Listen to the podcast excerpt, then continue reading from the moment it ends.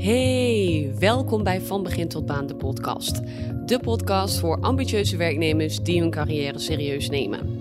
Mijn naam is Julia en in deze podcast deel ik ervaringen en bruikbare tips en tricks die je helpen naar meer werkgeluk en voldoening in je baan. Alles zodat jij erachter komt wat belangrijk voor je is en gaat voor datgene wat 100% matcht bij jou als persoon.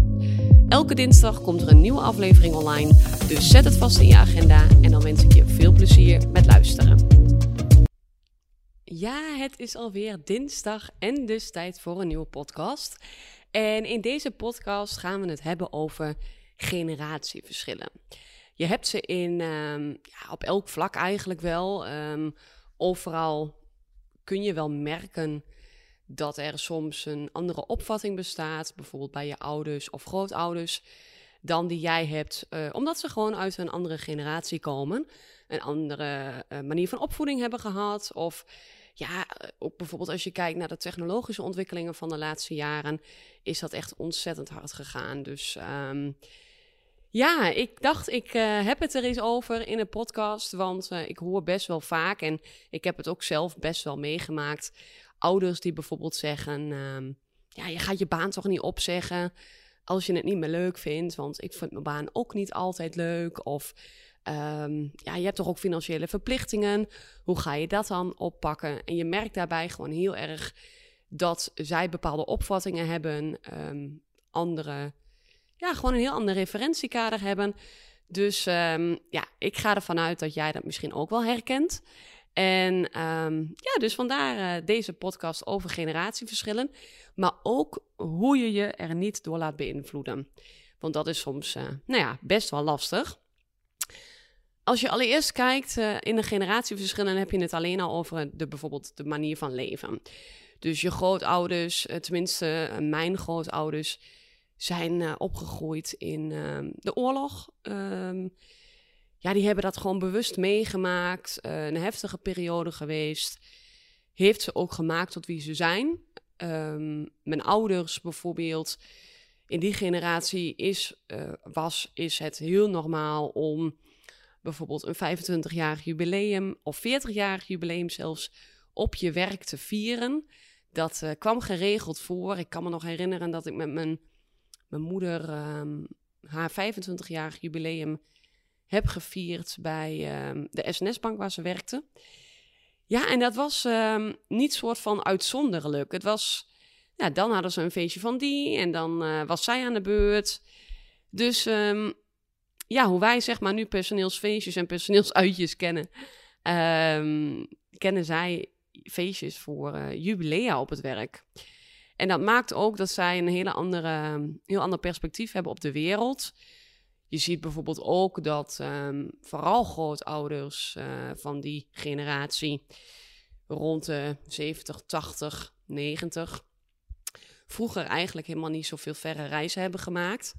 Waarin het nu bijvoorbeeld heel normaal is om een soort van tussenjaar te nemen in je opleiding tijdens je studie. Uh, om het gewoon on te zetten, om de wereld over te gaan. Dus ja, het is, het is overal um, wel um, herkenbaar, denk ik, op heel veel fronten. En dus ook bij beroepen en ambities. Als ik bijvoorbeeld kijk naar mijn uh, oma, die uh, ja, komt uit een generatie waarin de man werkte. Dat was heel normaal en het was toen al heel bijzonder dat mijn oma zelf ook een baan had. Heel veel van haar generatie die hadden dat niet. Dus um, ja, dat was best wel bijzonder dat zij dat dan had. Um, de man werkte, de vrouw bleef thuis om voor de kinderen te zorgen. Om uh, ja, te zorgen dat er eten op tafel stond. En die generatie is ook nog heel erg van tussen de middag warm eten. Dat doet mijn oma bijvoorbeeld nu nog steeds elke, elke dag. Um, die raakt al in de stress als je smiddags met een boterham aan komt zetten, zeg maar. Die eet echt smiddags warm. Um, en ook echt wel dat ze klokslag zes uur aten. Dat was dan een hele normale tijd. En dat was dan ook echt. Het was heel, ja, traditioneel noem ik het maar. Het was uh, ja, zoals zij dat dan gewend waren. En dat dus nog steeds uitvoeren. En als je dan kijkt naar een generatie daarna, dus van onze ouders, uh, daar was het al wat meer normaal dat de uh, moeder of de vrouw des huizes ook ging werken. Maar dat het ook best wel ja, voornamelijk parttime was. Dus ofwel twee dagen in de week of maximaal drie. Omdat ze er thuis ook voor de kinderen moest zijn. En er graag wilde zijn als ze thuis uit school kwamen. Um, dus ja, ik ken ook niet anders dat bijna alleen maar uh, vriendinnetjes die ik bijvoorbeeld vroeger had, ook de moeder thuis had als ik daar dan ging spelen overdag. Dus het was bijna niet zo dat, um, dat ik bij de BSO bleef of... Um, nou is dat ook wel een beetje mijn referentiekader natuurlijk, de manier hoe ik ben opgevoed. Maar ja, het is ook wel heel erg herkenbaar, omdat ik dus ook wel heel erg bij anderen zag. Um, maar dat was dus de generatie van onze ouders die um, nou ja, van, van de jubilea op het werk, 25, 40 jaar, dat was dan heel normaal. En um, die gingen bijvoorbeeld ook niet zomaar hun baan opzeggen, omdat ze het toevallig niet leuk vonden. Die waren veel minder ambitieus voor mijn gevoel, die waren veel minder carrièregericht, omdat ze nou eenmaal gewoon, ja, tussen haakjes maar, drie dagen dus hadden maximaal om dan te werken. En ja, dan is het ook best wel logisch dat je dan op een gegeven moment ook genoegen neemt en... Um, daarin was het ook belangrijk gewoon dat het geld elke maand binnenkwam. Dat de boodschappen gekocht konden worden. Dat we uh, elk jaar op vakantie konden. Uh, dus dat was uh, een beetje die generatie eh, natuurlijk. En, en nu de generatie van ons. minder traditioneel. Vrouwen werken veel meer. Het komt eigenlijk bijna niet meer voor dat. Um, ja, of niet meer, dat wil ik niet zeggen, want het gebeurt natuurlijk nog wel best wel veel. Maar het gebeurt veel minder dat vrouwen ook standaard drie dagen of twee dagen per week gaan werken als ze kinderen krijgen. Tenminste, in onze generatie gebeurt dat heel weinig. Als ik kijk naar uh, vriendinnen bijvoorbeeld, die gaan minder werken, maar de man gaat ook minder werken. Dus bijvoorbeeld allebei 32 uur, zodat ze allebei een dag met, uh, met het kind hebben thuis. En de rest van de week gaat het naar de opvang, opa's, oma's, noem maar, op. Dat is um, meer van deze tijd. Het is dan ook uh, meer van deze tijd dat vrouwen een betere positie op de arbeidsmarkt hebben. Uh, omdat ze gewoon meer kunnen werken. Ze, hebben meer, uh, ze zijn ook meer onderlegd. Vroeger gingen. Mijn oma ging helemaal niet naar school, joh. Die ging naar de huishoudschool volgens mij nog niet eens. dat was volgens mij juist die generatie daarna pas die naar de huishoudschool ging. generatie van onze ouders, zeg maar. Maar uh, nee, mijn oma die... Uh, ik weet het niet. Ik heb het eigenlijk nog helemaal niet, nooit gevraagd. Maar volgens mij heeft zij nooit geen opleiding gedaan. Hm. Uh, interessant. Leuk voor een volgende keer als ik haar spreek. Zal ik haar dat eens gaan vragen. Maar dat, dat is gewoon wel um, echt een ontzettend groot verschil. Opleidingsniveau, überhaupt de positie dus op de arbeidsmarkt. Um, de mogelijkheden ook die vrouwen steeds meer hebben. Ik vind dat er nog steeds eigenlijk, maar dat is een persoonlijke opvatting, dat die verhouding nog best scheef ligt. Ik vind dat vrouwen veel meer ook op topfuncties mogen, want dat kunnen we ook prima uh, kunnen uh, fungeren. Uh, tuurlijk, mannen zijn bij sommige dingen beter, maar vrouwen ook. Weer bij andere dingen. Dus ja, het is, um, het is minder traditioneel wat ik zei. Het is ja, we werken meer, we hebben meer een stevigere positie op de arbeidsmarkt en dat vinden we ook belangrijk. Dus in, onze generatie zijn we veel meer ambitieus, hebben we veel meer ook dat we het niet alleen belangrijk vinden om natuurlijk uh, lekker op vakantie te gaan elk jaar, maar um, ik denk dat als ik zou moeten kiezen voor elke dag met plezier naar mijn werk en um, ja, echt gelukkig zijn in mijn werk en met mijn baan, of één keer per jaar op vakantie, of, of misschien wel meer, drie keer per jaar op vakantie, dan kies ik toch voor uh, die baan. Want ik wil elke dag het meeste uit mijn dag halen. Dat is, ja, dat herken je vast. Dat is uh, veel meer van deze tijd. Nou, en daar krijg je dus echt, nou, je ziet de generatieverschillen, maar daar krijg je dus ook wel uh, interessante discussies van soms thuis, als je het uh, met je ouders bespreekt, dat je minder op je plek zit in je werk. Uh, je voelt die drempel om het met ze te bespreken, omdat je eigenlijk wel weet dat ze niet echt helemaal een. Ja, ze hebben gewoon een andere referentiekader, dus dat ze het misschien niet helemaal begrijpen. Dus ja, dat um, uh, is lastig. En hoe ga je daar dan mee om? En hoe laat je je daar dan niet door beïnvloeden? Want ja, we zijn natuurlijk van oudsher of van ja, eigenlijk ben je gewend om van vroeger uit naar je ouders te luisteren. Nou, dat, die, die verhouding verandert steeds meer naarmate je ouder wordt en zelf ook volwassen wordt. En op een gegeven moment op natuurlijk gelijkwaardig niveau gesprekken voert. Ehm, maar toch blijven je ouders je ouders. Tenminste, voor hun blijf jij hun kind. En ehm, dat mechanisme blijft hetzelfde werken. Dus zij willen je nog steeds behoeden voor mogelijke fouten. En dat doen ze uit liefde. Maar die generatiekloof maakt dat nog een beetje lastiger. Omdat ze gewoonweg niet begrijpen dat jij je baan op zou zeggen, omdat je er nou, gewoon niet gelukkig van wordt. En dan komen de argumenten als: je moet je rekeningen toch blijven betalen, het gras is niet groener bij de buren, het gaat toch prima zo in je baan. Um, en dat doen ze ook vanuit onwetendheid, omdat zij het gewoon vanuit hun generatie niet kennen. En hun waarheid van vroeger projecteren ze nu op jou. Hè, wat ik net zei, vroeger bleef iedereen makkelijk 40 jaar bij een werkgever.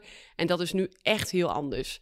Als ik kijk naar de cv's die ik de afgelopen jaren heb ontvangen, ja, is dat echt, nou ja, Ehm, ik denk dat uh, de, de, de cv's van wat oudere mensen, die zitten nog makkelijk 15 jaar bij een, bij één bedrijf en maken dan een overstap. Maar als ik kijk naar de cv's van mensen rond, nou eigenlijk onder de 40, dan uh, zijn die toch wel zeker elke vijf tot acht jaar echt wel toe aan een volgende stap. Uh, en als je nog eerder kijkt, hè, naar de generatie zeg maar onder de 30, dan zie je echt wel een tendens naar ongeveer drie jaar. Dus na elke drie jaar, en als ik kijk naar mijn eigen cv, is dat ook maximaal drie jaar geweest dat ik bij één werkgever ben gebleven. Dus ja, zij, het is gewoon een verschil. Zij kennen niet anders, jij kent niet anders. En je moet dat ook niet proberen te, uh, compenseren of, of goed te praten. Dat bedoel ik. Je moet het niet proberen goed te praten, want voor jouw gevoel lijkt het zo dat de emmer van je ouders vroeger veel groter was voordat die overliep. En dat, dat lijkt misschien zo, omdat je dan denkt, nou, hoe kun je dat nou incasseren? Hoe kun je dat nou blijven doen? En zij snappen niet dat jij meer uitdaging nodig hebt en dat de wereld van nu veel sneller gaat. Nou, alles uh, bij elkaar samengevat is natuurlijk best wel uh, inzichtelijk nu. Um, dat is eigenlijk ook al wel stap 1, dat je het inzichtelijk hebt. En op een moment als je in zo'n soort van discussie belandt of um, nou ja, um, in een situatie terechtkomt dat jij en je ouders of andere generaties elkaar gaan proberen te overtuigen van, je, van, van jullie gelijk, is gewoon het besef dat dat gewoon niet kan. In die zin, jullie hebben een andere referentiekader, jullie zijn anders opgevoed, andere kijk op de wereld. Um, je staat ook heel ergens anders in het leven. Ik bedoel, begrijp me niet verkeerd, maar in onze generatie heb je nog je hele leven voor je. Moet je, nou ja, met een beetje geluk nog uh, 40, 45 jaar werken. Um, ja, en, en zij niet. Dus het kan ook natuurlijk nog zo zijn dat zij vanuit hun uh, idee, perspectief denken: ja, ach ja, als ik nu nog vijf jaar dit kan doen, dan is het ook prima. Weet je, dan ga ik met pensioen en dan is het goed. Ja, jij niet. Weet je, vijf jaar overbruggen kan misschien. Maar uh, dan nog zijn wij van mening dat je ja, gelukkig moet blijven in je baan. Nou, er zijn een aantal mogelijkheden uh, hoe je je niet laat beïnvloeden op het moment als je dan zo'n gesprek hebt. Um, mocht je tot in die gelegenheid zijn, uh, ga in ieder geval allereerst op hoofdlijnen het gesprek voeren. Dat je dus ja, zegt van. Uh, we, we kunnen het niet met elkaar eens worden, want uh, nou ja, generatieverschillen. En dan noem je een beetje uh, wat dingen uit wat ik jou net eh, met jou heb gedeeld. Um, dus ja, dat is een manier om je niet te laten beïnvloeden. Weet dat de opvattingen erover verschillen per generatie. En benoem dat dan ook echt in die gesprekken die je met elkaar erover hebt. Wanneer zij dan met argumenten komen, benadruk dat zij jou hebben opgevoed. En dat je echt niet zomaar iets doet zonder er goed over na te denken en de voor's en tegens met elkaar af te wegen. Dat geeft een soort van de bevestiging dat ze jou uh, met alle goede en beste intenties hebben opgevoed vanuit hun referentiekader, maar dat je alsnog uh, ja, volwassen genoeg bent om uiteindelijk na die uh, afwegingen en alles zelf de keuze te kunnen maken. En ehm, nou ja, de laatste tip ehm, of manier uh, hoe je je er niet door laat beïnvloeden wat zij zeggen, want ze kunnen echt wel hun perspectief op jou projecteren, is door het met ze te bespreken, door het mee te delen in plaats van te overleggen. Dat scheelt echt al de helft. Op het moment als jij uh, gaat overleggen, nou, ik zit te twijfelen of ik mijn baan moet wisselen, want zus en zo, dan um, ja, heb je eigenlijk toch, geef je ruimte voor discussie en voelen zij die ruimte om te pakken, om jou te gaan overtuigen van het feit dat je het juist niet moet doen. Want dan komt dat uh, beschermingsmechanisme weer helemaal naar voren. Dat ze jou willen beschermen voor eventuele fouten die je maakt. En zij willen jou gelukkig zien. En doen dat nogmaals alleen maar uit liefde. Maar als jij zegt, nou, ik heb besloten om van baan te wisselen, want zus en zo, en dit is wat ik kan krijgen. Of um, ik ben nu zo ongelukkig, ik heb gewoon echt de stekker eruit getrokken. En desnoods ga ik lekker drie maanden broodjes verkopen in een uh, lunchroom. Uh, en vind ik dan mijn droombaan. Um, dan bevestig je op die manier al dat je hebt gekozen voor je eigen geluk. En zullen zij minder de ruimte hebben en ook voelen om jou daarvan te overtuigen. Dus, allereerst, weet dat, het, uh, dat de opvattingen erover verschillen per generatie. Benoem dat in de gesprekken die je met elkaar erover hebt. Wanneer zij met argumenten komen, benadruk dat zij jou hebben opgevoed en dat je echt niet zomaar iets doet zonder er goed over na te denken. En daarnaast, als allerlaatste, bespreek het met ze door het mee te delen in plaats van te overleggen. Nou, ik hoop dat je door deze tips um, toe te passen straks een wat fijner gesprek hebt. Of in ieder geval op een betere manier met elkaar over um, nou ja, je ambities kan praten. Uh, want ik kan me namelijk niet voorstellen dat jij niet zo'n soort gesprek wel eens hebt gehad met je ouders.